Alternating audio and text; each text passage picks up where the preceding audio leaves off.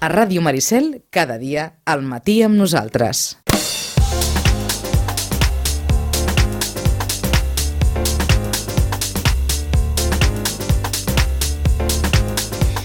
És jove, nascut l'any 74, però del 74 cap aquí el, el currículum doncs, està farcit de, de coses. Llicenciat en Ciències Polítiques i de l'Administració, casat i pare de quatre fills, militant d'Unió Democràtica des del 95, ha estat membre del Comitè Executiu Nacional de la Unió de Joves i avui és conseller nacional, president de la Comissió d'Afers Europeus, secretari de la Comissió de Relacions Internacionals i director de l'Institut d'Estudis Humanístics Miquel, Miquel Coll i l'entorn. Membre de la direcció d'Unió a la ciutat de Barcelona, ha estat també portaveu adjunt de Convergència al districte de Gràcia entre el 2007 i el 2011 i co-coordinador del programa electoral de Convergència i Unió per a les eleccions catalanes del 2010. Ha treballat com a assessor parlamentari al Parlament Europeu entre els anys 98 i 2004 i al Congrés dels Diputats entre el 2005 i el 2007, del juliol del 2007 o gener del 2011. Va ser el coordinador de la regidoria de Comerç i Consum de l'Ajuntament de Badalona i si encara no us he marejat, els dic també que del gener al desembre del 2011 va exercir el càrrec de cap de gabinet de la vicepresidenta del govern i consellera de Governació i Relacions Institucionals i el 20 de desembre del 2011 va ser nomenat director general d'Afers Exteriors, càrrec del qual avui és cessat. Cessat en el bon sentit, eh? No és que hagi fet cap, vaja, que nosaltres sapiguem ni que ell ho pugui confessar. Suposo que cap eh, malifeta. Francesc Gambús, bon dia, bona hora. Bon dia, què tal? Sou cessat avui? Eh, soc cessat avui per la simple circumstància de que el ser candidat a les eleccions europees, doncs, el fet de ser candidat és incompatible amb el fet de tenir un càrrec de responsabilitat al govern. Per baix us queden moltes coses aquí, eh? Queden coses per, per passar l'estona, com a mínim. Eh? Joaquim Millan, bon dia, bona hora. Molt Joaquim. bon dia.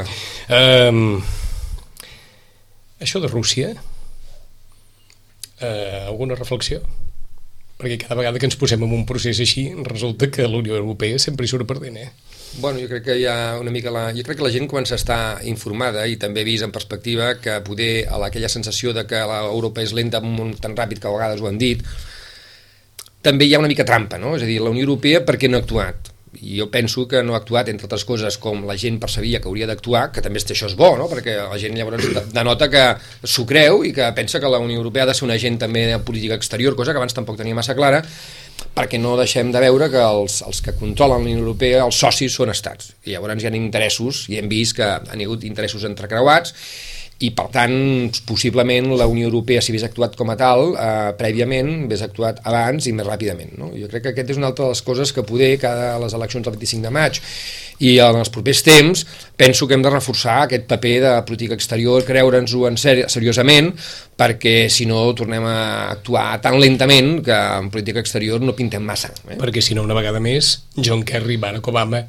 Exacte, vull dir, ens acaben solucionant les coses, ara aquesta vegada podem dir quasi, quasi a casa, eh, al jardí de casa, eh, ens venen de fora a solucionar-les. No? Jo crec que eh, ja, ja hem patit això, això és una cantarella que ja ens sona, perquè ja l'hem patit eh, en altres ocasions, o ens ha donat la percepció, ho hem vist, i per tant penso que una de les coses que s'han de reforçar en la propera legislatura, crec jo, entre altres, entre altres molt importants, com sortir la crisi, el tema de l'atur, l'ocupació, els joves, etc, és també el definir realment quin paper ha de tindre la, la, la, la, la Unió Europea com a agent de política exterior, però efectiu, eh, executiu, no?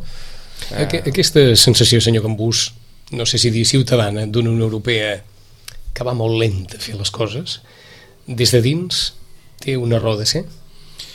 Home, jo crec que hem de fer, hem de ser, en tot cas, jo, jo, jo convidaria a, a, a la gent a ser relativament generosos amb, amb la Unió Europea si la concebem com a actor extern com a actor de, de política exterior perquè l'exercici que està fent, molt bé deia en, en Quim Millan, eh, no deixa de ser un exercici on, on hi ha 28 estats amb els seus interessos, alguns històrics, eh, que els, els força d'alguna manera a posar-se d'acord i, i a tenir una posició comú eh, en temes on és molt fàcil tenir una posició comú sobre Nova Zelanda, però quan es tracta de tenir una posició comú sobre en el seu moment els Balcans, o ara Ucraïna, Rússia, Crimea, mm, aquí ja comencem a tocar el rovell de l'ou d'interessos dels interessos dels estats. Avui tenim una Unió Europea que està, la tenim a mig fer, sobretot sobre, a mig fer en general, però sobretot la Unió Europea, entre cometes, política, està a mig fer i per tant segueix sent avui la suma de 28 interessos que costen a vegades de- de- d'arribar a, a posicions comuns i fa que, que l'arribar a posicions comuns sigui, sigui un procés lent. En canvi, tot i, lent. tot i que estigui des del punt de vista polític a mig fer, l'estructura administrativa és gran, o molt gran. També discreparé d'això. Vinga. També discreparé. La Comissió Europea té 28.000 funcionaris per 500 milions d'habitants. La Generalitat de Catalunya té 213.000 funcionaris per 7 milions i mig. L'Ajuntament de París té més funcionaris que la Comissió Europea. Per tant, mm, no, no, eh, això de la burocràcia europea, l'administració europea feixuga, lenta, és lenta perquè estem posant d'acord 28 estats membres. Està bé que la ciutadania, està molt bé i és un molt bon senyal, eh? que la ciutadania percebi que la Unió Europea doncs, és com un estat i per tant hauria de ser àgil i hauria de tenir l'agilitat dels estats, però és que és un estat a mig fer. Doncs ho posem una mica més fàcil. En un estat a mig fer, val la pena que hi hagi dues seus El Parlament. i que els parlamentaris hagin de moure's d'un lloc cap a l'altre i vinga i tira i ronsa i amunt i avall. Segurament si ho mirem des d'un punt de vista comptable i economicista Pragmàtic, no té vaja. cap sentit eh, si mirem el, el que és el, el, la Unió Europea a mi sempre m'agrada, hi ha gent que, em, que diu el projecte de la Unió Europea, a mi sempre m'agrada parlar del procés de la Unió Europea perquè sempre entès que la Unió Europea és un procés de pau exitós exitós. Després de la Segona Guerra Mundial i després de milions de morts, decideixen Alemanya i França compartir allò pel que s'havien enfrontat, que és la conca, de, és la conca del, del Ruhr. Eh, clar, la, al, mig, al mig de la zona aquesta on s'havien enfrontat hi ha la seu parlamentària d'Estrasburg. El símbol és espectacular. No, no sé si el símbol té preu. Si ho miréssim només des d'un punt de vista pragmàtic, no té cap sentit, Brussel·les i prou.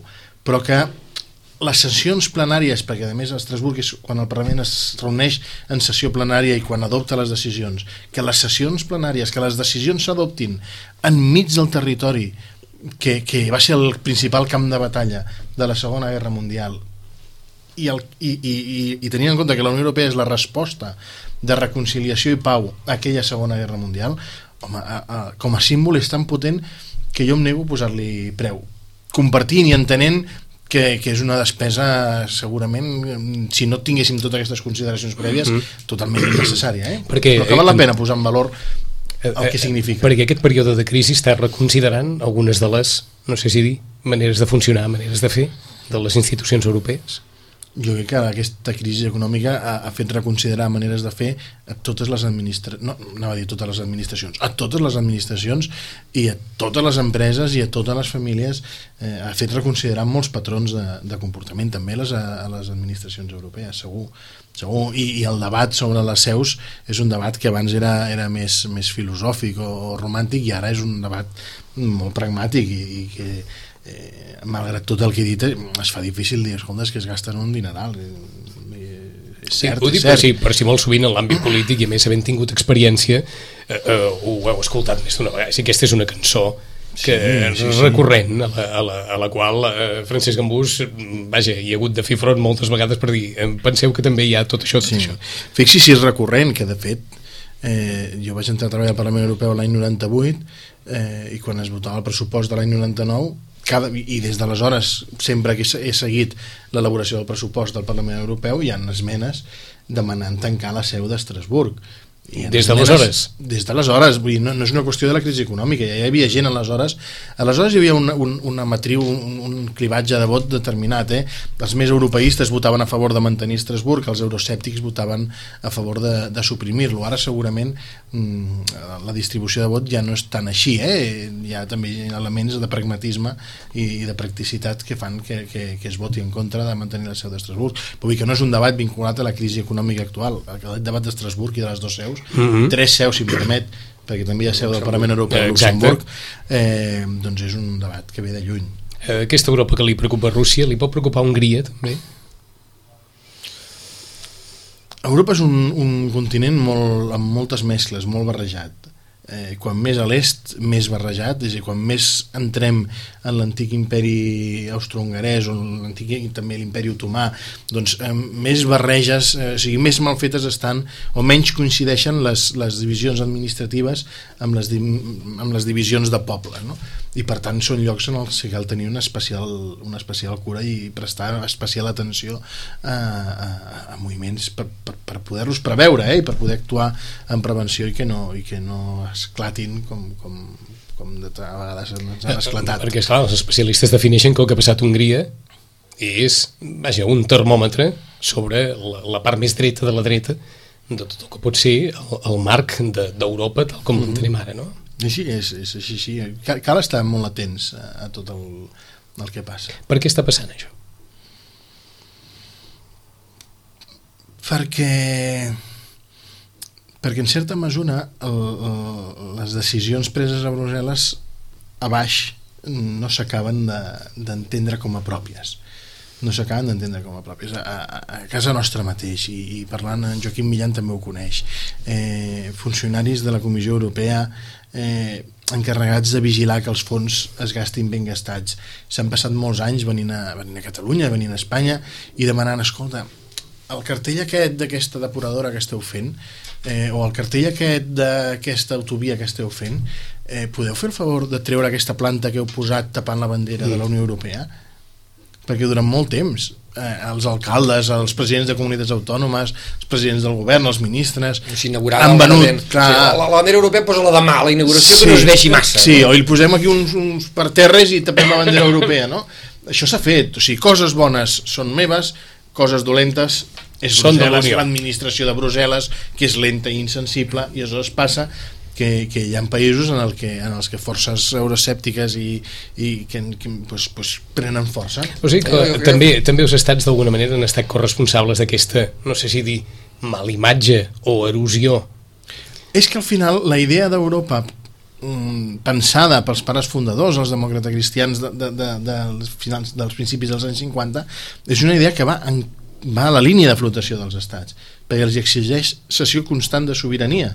I per tant mm, no és que els estats en siguin corresponsables és que, és que aquí hi ha un combat balat perquè ningú s'atrevirà i no sentirem dir un primer ministre dient que, que això d'Europa és un de, no, no, no va enlloc però al final mm, les sessions, les grans sessions de sobirania del procés d'Unió Europea s'han produït en situacions de crisi en les que no hi havia més remei que fer la sessió de sobirania. Com ara, vaja. Com ara, i ara és, és un dels reptes de la propera legislatura. Mm, les sessions de sobirania que s'han fet aquests últims 4 o 5 anys en matèria d'unió bancària, d'unió fiscal, de mecanismes de supervisió financera, una de les grans feines d'aquest Parlament Europeu de la propera legislatura és aconseguir que siguin estructures comunitàries que realment hagi estat una sessió de sobirania irreversible, que, perquè la tentació serà en el moment en què la crisi econòmica hagi, hagi passat dels estats a intentar recuperar el màxim d'aquesta sobirania cedida. I la feina del Parlament Europeu i de la Comissió Europea serà dir mm, allò, Santa Rita, Rita, Rita. Mm, sobirania cedida sobirania cedida. En aquesta Europa continua manant més Alemanya que ningú? No, això és un, un altre mite.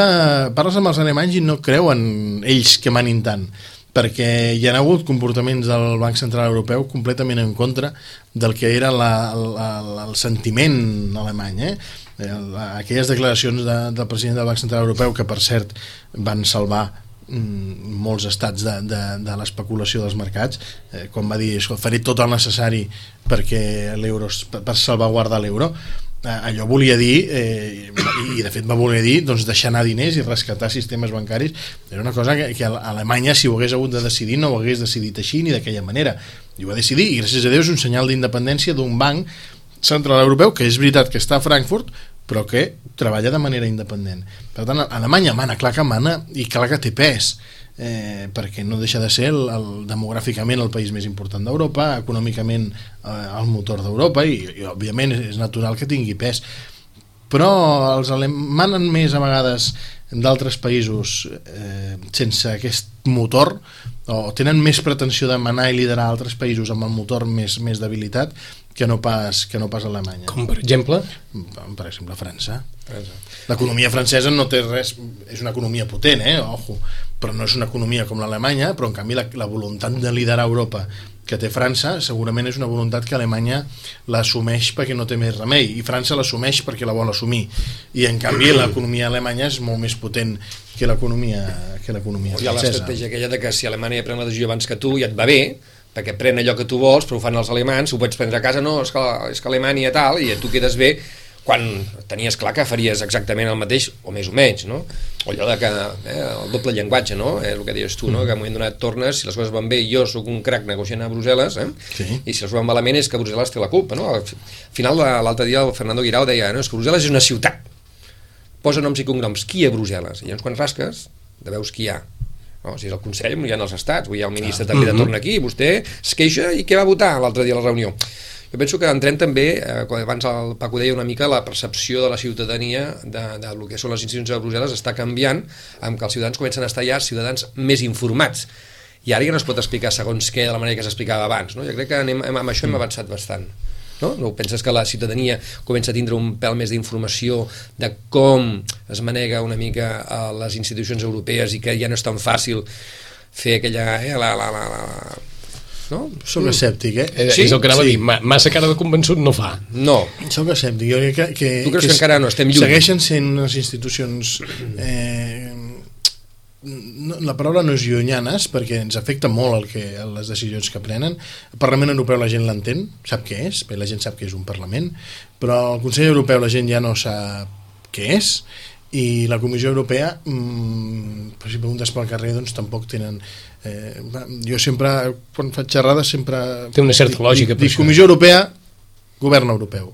Comissió Europea és, és el govern europeu. Diguem-ho diguem simple no, és que estrictament bueno, és, eh, eh, Deixa't estar. Totalment deixa't estar, parlem-ho clar la Comissió Europea és el govern europeu ho entenem? Sí el Parlament és el representant de la sobirania popular i el Consell Europeu, el Consell de Ministres més o menys ve a ser un senat a l'Alemanya és a dir, un senat que compta els estats que estan allà són els estats que, que, que, que, que estan a un senat dels Estats Units. Hi ha uns representants, no són uns representants electes dels estats, són, són els representants dels governs dels estats. Però bueno, al final podríem dir que representa a, a, a, els governs dels estats que conformen la Unió Europea. El Parlament Europeu representa la població i hi ha un govern que fins ara mm, s'escollia sense que la gent tingués res a dir I a però que això s'ha acabat.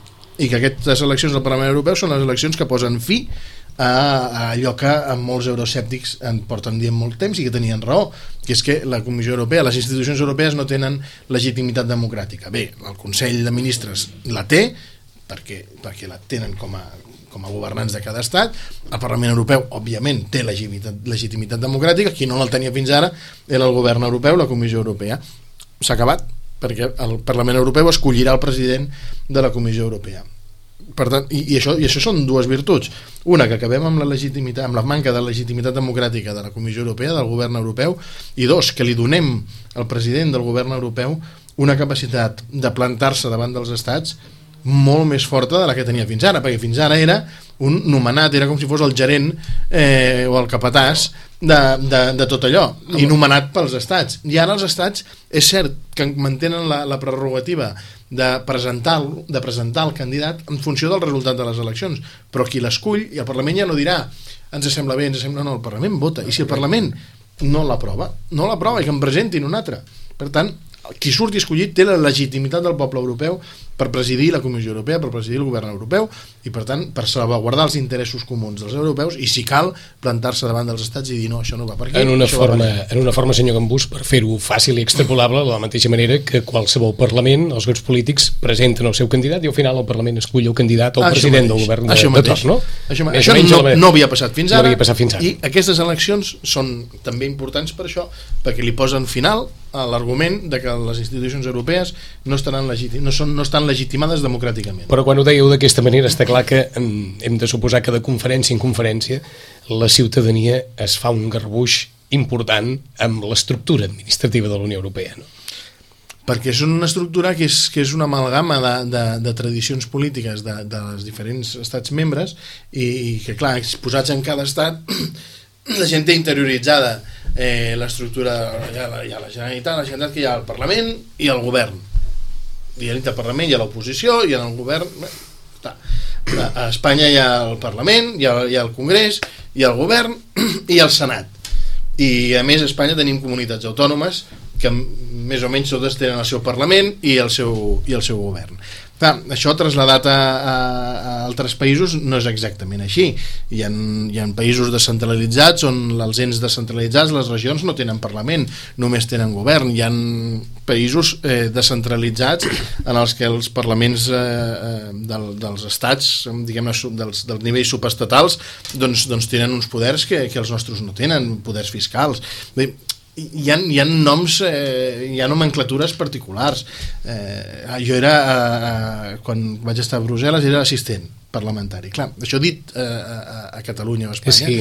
sembla que portes els cafès i, i els mm. pastissets, però en canvi, mm, amb, amb llenguatge britànic, l'assistent d'un diputat és, és, és el que aquí pues, traduiríem com a assessor, com a cap de gabinet. Secretari. Fixa't que hi ha alguns assistents que el seu diputat i el Parlament Europeu ho han donat, pues és cridat, pues mira, perquè ara el fan ministre, que ara, eh, ara passen aquestes coses, abans enviaves la gent que sobrava, pam, cap allà, ara fas carrera política allà, i a l'assistent eh, ostres, el fitxen, no, ostres, aquest és bo, el vull jo. És a dir, ja, això s'ha passat, sí. vull dir, assistents que, Però el nom, que són ben valorats. El eh, nom, dir... el nom no, no, sí, és clar, lleig, clar, clar. I ve, ve ser una mica el mateix que passa amb la Comissió Europea. Això, doncs, la Comissió Europea té sentit pensant en, en els anys 50, una cosa liderada per França, i, i per tant que creen un comissionat i, i el president, una, una alta autoritat, eh, són noms estranys al llenguatge de la gent en aquest cas de Catalunya. Sí, sí, està clar, està clar. Però, si parléssim ara del 25 de maig, per aquí ho fem clar, 25 de maig eleccions europees, però clar, no és del 25, és del 22 al 25, perquè hi ha uns països que per tradició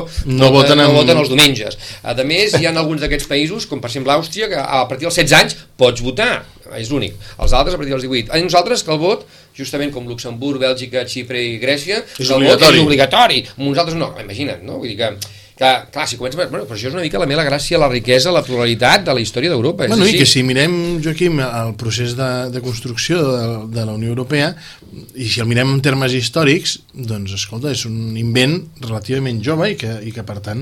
Molt jove. I molt ambiciós en els seus objectius, perquè això d'aquí són els estats de sempre, de sempre, amb els interessos de sempre, eh, treballant junts i, i, i, i cedint i, no, no, no és tan simple. De la mateixa manera que, que en Joaquim deia fa un moment, i era més o menys recelós, Francesc Gambús, de si la ciutadania està molt informada de, de, de l'estructura de la Unió Europea, el que sí sembla clar, i cada vegada ho tenim més assumit, és que des de la Unió Europea venen normatives, venen lleis, venen propostes que cada vegada més ens afecten a tots plegats, i no, no venen d'aquí, sinó que venen d'allà, per dir-ho així. No? El 80% de decisions que prenen el Congrés dels Diputats i el Parlament de Catalunya són decisions que en el seu origen, el seu origen està en decisions preses a, a, a Brussel·les, en el Parlament Europeu, en el Consell de, de Ministres. Ara, l'última bueno, decisió que ens afecta és això del roaming de, de, de, dels telèfons de, mòbils. Dels telèfons no? mòbils, que quan tu surts eh, a França... Val, val un disbarat. Val un disbarat, més val tenir el telèfon apagat i trucar des d'una cabina exagerant, eh? Doncs això s'ha acabat, eh, això s'ha acabat. A, a, a finals del 2015 s'haurà acabat, tu podràs anar a França, a Alemanya i amb el mateix operador que tens doncs, doncs que et costi el mateix no, s'ha acabat el que et cobrin tarifes eh, extraordinàries pel fet de trucar des de fora. Això és una decisió presa a, a, a la Unió Europea. Aquesta, aquesta que és molt clara que és paneuropea difícilment podrem fer el joc aquell de dir la idea és meva i mireu que he decidit eh? perquè no pots decidir és una cosa que és obvi que, que la decisió va, va per tot arreu en però... canvi recordarà Francesc Gambús aquesta normativa del foc i de les festes tradicionals que aquí va rebre, vaja, la Unió Europea va rebre per dalt i per baix. Però precisament... és un exemple, és un exemple també de que, de que el, de vegades quan estàs governant per 500 milions de persones en funció de qui pivota uh -huh. o qui mhm. pilota a, a, a la, la, normativa doncs no, no pot pen... estar cometent eh, un error. No pensa en la patum de Berga doncs és la, molt important el, el, aquí és molt important la feina de, de parlamentaris europeus de, de, dels, sí, sí, de, de, de, loro. que tothom estigui al cas per, per dir ep, que, que si fem això i ho apliquem així allà estem cometent una injustícia, estem cometent un, un mal innecessari perquè, perquè el tema del foc al Mediterrani doncs es tracta d'una manera i el tema del foc a altres llocs es tracta, es tracta d'una altra no? i per tant és molt important és un exemple de, de la importància de, de tenir els diputats al cas mm. i, i si em permet també per, per, per donar-li valor a les eleccions del 25 de maig eh, no és el mateix ser diputat al Parlament Europeu però que a la teva circunscripció que en aquest cas és Espanya eh? però en tot cas, com que nosaltres diem que ens considerem diputats nacionals, no és el mateix que Catalunya hagi votat un 30% i tu hagis d'anar a defensar amb un comissari el, eh, aquest qui l'ha votat amb un suport aquest, del 30% en aquest qui l'ha qui l'ha votat eh, que no que hi vagis i m'han votat, votat per sobre de la mitjana d'Europa eh? anem, anem a ficar-nos en, anem a ficar en això, això precisament perquè a partir de, del que comentàvem fa un moment el que sí també sembla clar és que en el futur cada vegada més ciutadans apel·laran a les institucions europees per problemes de qualsevol mena que hagin patit en el seu propi territori que creguin que aquí no, no hi ha manera de poder resoldre i que potser les institucions europees li donaran resposta. Hi ha hagut més d'un cas, des de desnonaments fins a altres d'especialment punyents, als quals les institucions europees han donat una solució o una resolució o una mida que no s'ha no sabut trobar des d'aquí o des d'aquí no hi havia manera de trobar. Això també serà anirà més en el futur? Eh, jo sempre dic que a, a, a Brussel·les hi has d'anar a aportar solucions als grans problemes europeus, els grans, eh? has d'anar amb l'actitud de dir vaig a aportar la, la, la, la meva part de solució amb la meva visió de les coses, amb la nostra visió de les coses des del sud-est de la Mediterrània, anem a aportar solucions als grans reptes europeus. I a la vegada, i en torna, hi vaig aportar els meus problemes, els meus problemes locals que poden ser resolts a escala europea, doncs també també els porto, però ha de ser les dues. O sigui, el, un finlandès ha de ser capaç de, de percebre que tu estàs preocupat pels boscos i la gestió de la fusta finlandesa, si tu vols que ell tingui sensibilitat per resoldre els incendis dels boscos mediterranis, perquè si no eh, un, finland, un finlandès no concep que els boscos es cremen, els boscos és una indústria que fa fusta, no es cremen els boscos, i en canvi un mediterrani, doncs els boscos bàsicament, primer de, per poder-ne fer fusta primer hem de procurar que no es cremin i per tant han d'haver-hi polítiques dirigides també eh, aquest, això. aquest és el veritable joc dins de la Unió aquest Europea? És, aquest és, és aquest, un, aquest un, és dels un dels jocs si tu pretens, si tu vol, i sobretot des d'un país petit com Catalunya que té 6, 7 diputats eh, al Parlament Europeu o, o ets capaç de generar aquestes complicitats amb d'altres, entendre els interessos de l'altre per després també poder, poder demanar que entenguin els teus o, o si només vas només amb els teus problemes no ets, no ets un agent capaç de canviar eh, Així es va aconseguir convèncer per exemple Europa del corredor mediterrani? Clar, perquè no, no era perquè fos interessant que també i sobretot per nosaltres, sinó que per Alemanya era interessant, per la zona de Turí era interessant, pel Piemont era interessant, per, per Lyon, Ronald Alps era interessant, eh, ara encara, no sé si, no sé si ja em deuen haver cessat o no, però com a director general tenim moltes relacions establertes amb llengua del Rosselló perquè el coll d'ampolla que queda del corredor mediterrani és entre Perpinyà i Montpellier i estem treballant molt a fons amb el vicepresident de Llengua del Rosselló que va ser ministre de Transports de Lionel Jospin i, i que pobre, sempre faig la, la broma de, ell, va, ell va, va formar part del Consell de Ministres que va fer el primer esborrany de xarxes europees de transport i el tros que li queda fer és el tros de casa seva que aquesta part de Montpellier i, per, i Perpinyà però, però clar, has de treballar molt que també sigui interessant pels demés el que a tu t'interessa i has de poder trobar aquest joc eh, europeu òbviament, però, òbviament si anem a defensar els, si vas a defensar, si em permet mhm. -huh. els, teus, els teus problemes doncs és el que deia abans, no és el mateix fer-ho amb una participació eh, eh esquàlida que fer-ho podent presentar dient escolta, en el meu país han votat per sobre de la mitjana espanyola i per sobre de la mitjana europea per tant tinc una força que altres potser no tenen. Això estic totalment d'acord, perquè pensa que les darreres eleccions del 2009 la mitja europea va ser un 46%, l'espanyol un 43% i la catalana un 36%, 37%. 36 i escaig per cent. I jo que estic d'acord amb tu, és a dir, si per aquests motius i altres la gent aquí votem més, podrem dir, sí, sí, eh, nosaltres... Amb un 36% de participació, vaja, a Can Barça potser aprova el projecte, eh? però, però estem parlant de coses estem parlant de... serioses, i soc culer, eh? però, de, però, però... però ho dic en el sentit que el 36% en depèn de què eh, pot semblar, bé, pot semblar i és mm. un percentatge veritablement poc significatiu, no? Efectivament. Però eh, deu tenir una raó i no sé si entre sí. els candidats a les eleccions al, al Parlament Europeu durant tot aquest temps i especialment aquest any aquesta qüestió de la participació i de fins a quin punt això pot neguitejar eh, és moneda recurrent o no, o hi ha altres aspectes del debat que es posen més sobre la taula, però mm, han passat moltes coses com perquè la ciutadania se senti incentivada a participar en les eleccions al Parlament Europeu.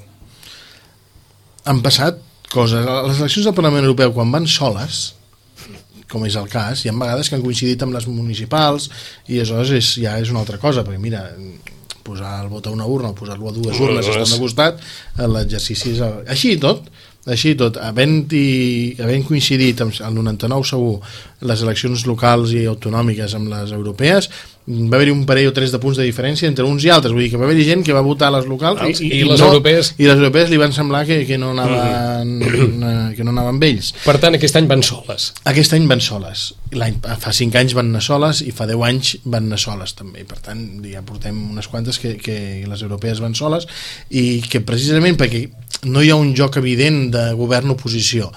No, no ens enganyem. A, a, a la gent quan hi ha un punt de competició la gent se sent més motivada la gent ho segueix més. Aquí no, no hi haurà en aquestes eleccions no hi ha un joc de govern-oposició. Qui ha governat Europa és relatiu. Eh, qui, si ha fet, qui ha fet oposició a Europa és relatiu qui ha implantat polítiques d'austeritat? Sembla que és la Angela Merkel, però mires els vots al Consell de Ministres correcte, i hi ha correcte. molts presidents i primers ministres socialistes que, han, que, que han votat amb ella i que hi han estat d'acord.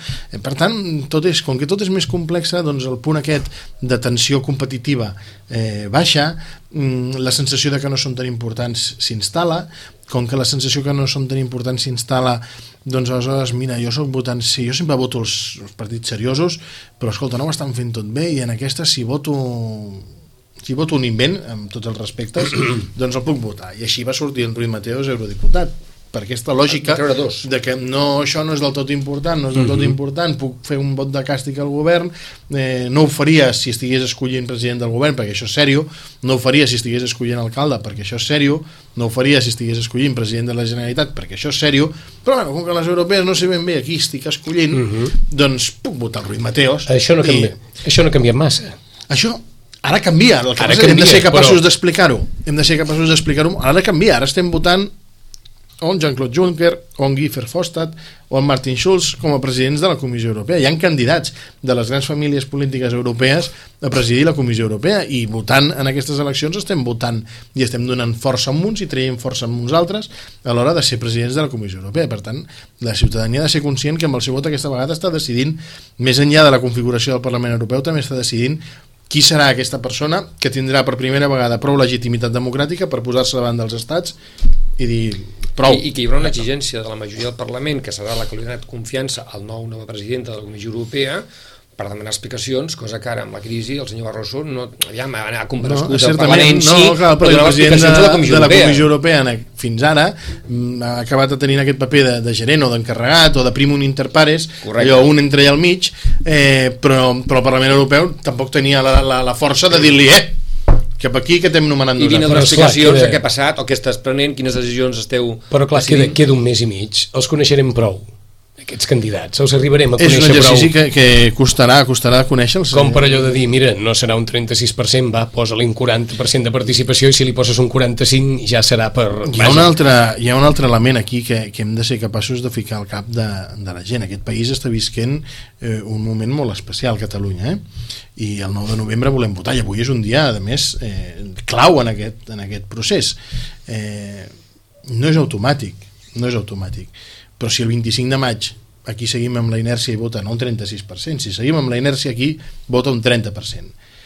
Amb quina força els parlamentaris catalans del Parlament Europeu, els membres catalans del Parlament Europeu, anirem a Brussel·les a demanar sensibilitat i a demanar aixopluc perquè hi hagi un cert suport o, o una certa acció de les institucions europees perquè ens deixin votar el 9 de novembre si aquí hem votat un 30% a les eleccions que els importen amb ells, que són les eleccions europees. Això és així?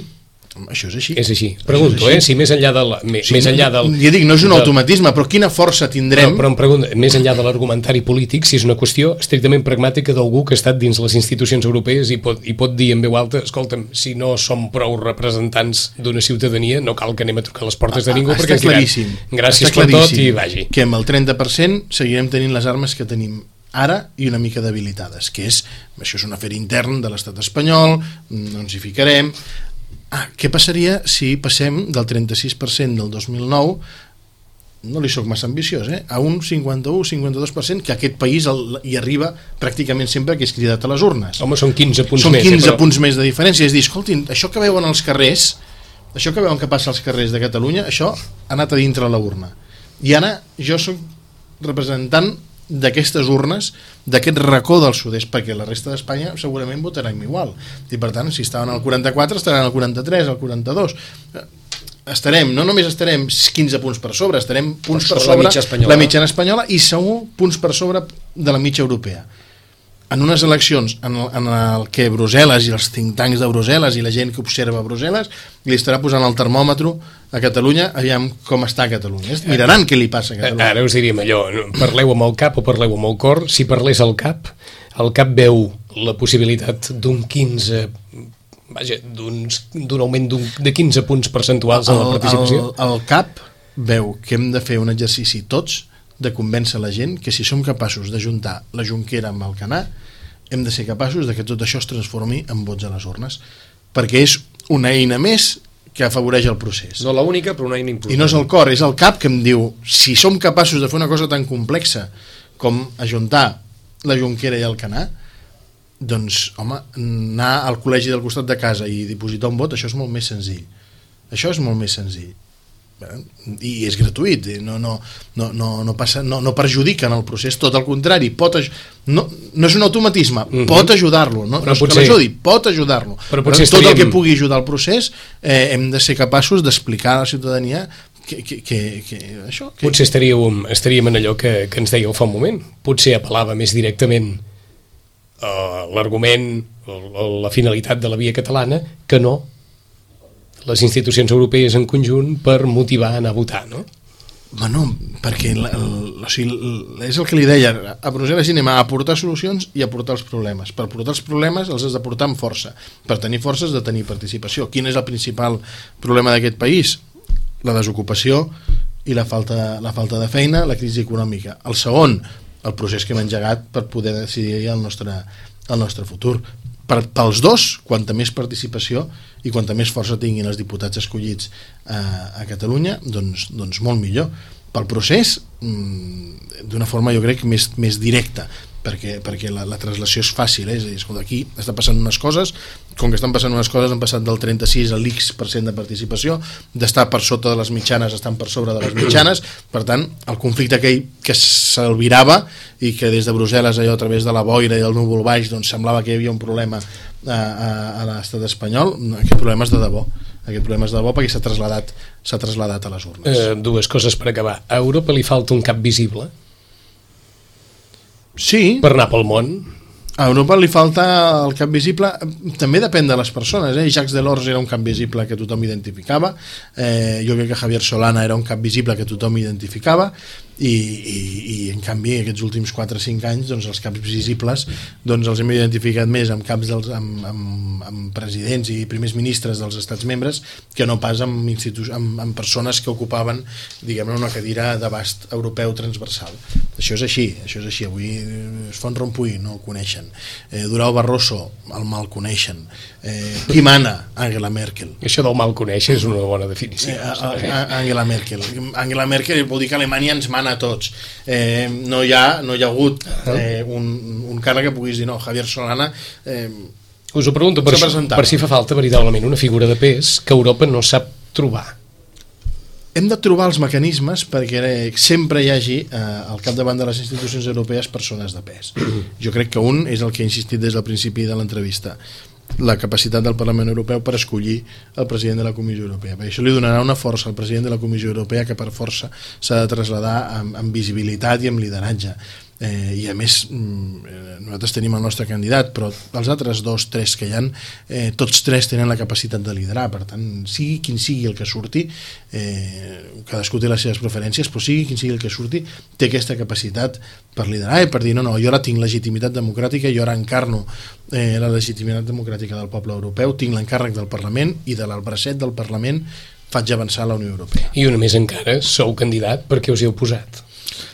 Bueno, jo des de, des de que vaig començar a, a, el meu compromís polític doncs, doncs les, les circumstàncies em van portar a, a col·laborar primer amb les joventuts en tot el que era l'esfera internacional, l'esfera europea. A partir d'aquí vaig conèixer eh, amb més profunditat tot això de, de tot aquest procés de la, de la Unió Europea, sobretot de la mà de la Concepció Ferrer, però també d'en de, Carles Gasòliba, de Joan Baivé, fins i tot d'en de, Pere Esteve, eh, i per tant sempre que hi ha eleccions europees en el si d'Unió Democràtica jo sempre el soldit per dir, escolta, no, no, no per anar al capdavant, sinó per formar part de l'equip, perquè crec que, que, que, aporto, que aporto coses i si un pren compromís polític és per aportar coses al conjunt eh, en aquest cas s'ha doncs, donat la circumstància doncs, de, que, de que a més a més m'han demanat que vagi encapçalant doncs, un plaer i moltíssima il·lusió de fer-ho. A Brussel·les s'hi viu bé? Més o menys bé? Brussel·les és com un disc d'aquells d'òpera rock dels anys 70 que, que l'escoltes un cop i dius això és infumable. Però el tornes a escoltar i el tornes a escoltar i al final el portes sempre al cotxe perquè t'agrada. Brussel·les és una mica així. El primer dia, la visita aquella de turista dius quina ciutat més grisa i espantosa eh, el segon dia, Això el tercer dia tothom, comences eh? a descobrir parcs, comences a descobrir racons, comences a descobrir restaurants, raconets, Cert, i, cert. i és una ciutat que és, que és encantadora. Sí, no bé. és com Barcelona, no és com Barcelona, No ens ho veiem a venir. però és una ciutat molt bonica per viure-hi. Si menja bé? Déu-n'hi-do, Déu-n'hi-do, Ha hi, ha- ha de tot, ha millorat molt. hi ha de tot. Perquè allò dels músculos amb què era allò... Però és que els músculs, com que els fan de mil formes diferents, Ah. alguna manera et trobaràs que t'agradi. D'acord. Apa, que músculs a Brussel·les també té, té d'allò, té, té delicte això, eh? Bueno, però els agafen d'allà al Mar del No, Nord. no, ja, ja. doncs sí. Francesc Ambús, gràcies per estar aquí amb nosaltres. Gràcies a vosaltres per convidar-me. Ens ha servit, com no, aquesta explicació, sobretot didàctica. No pensin tant en el Parlament Europeu, pensin més en el Consell Europeu i segurament aclarirem una miqueta més el sentit final d'aquestes eleccions. Joaquim, gràcies una vegada més. Gràcies a vosaltres. En un mes tornarem a la nostra hora d'Europa, a les 11, notícies en connexió amb la xarxa.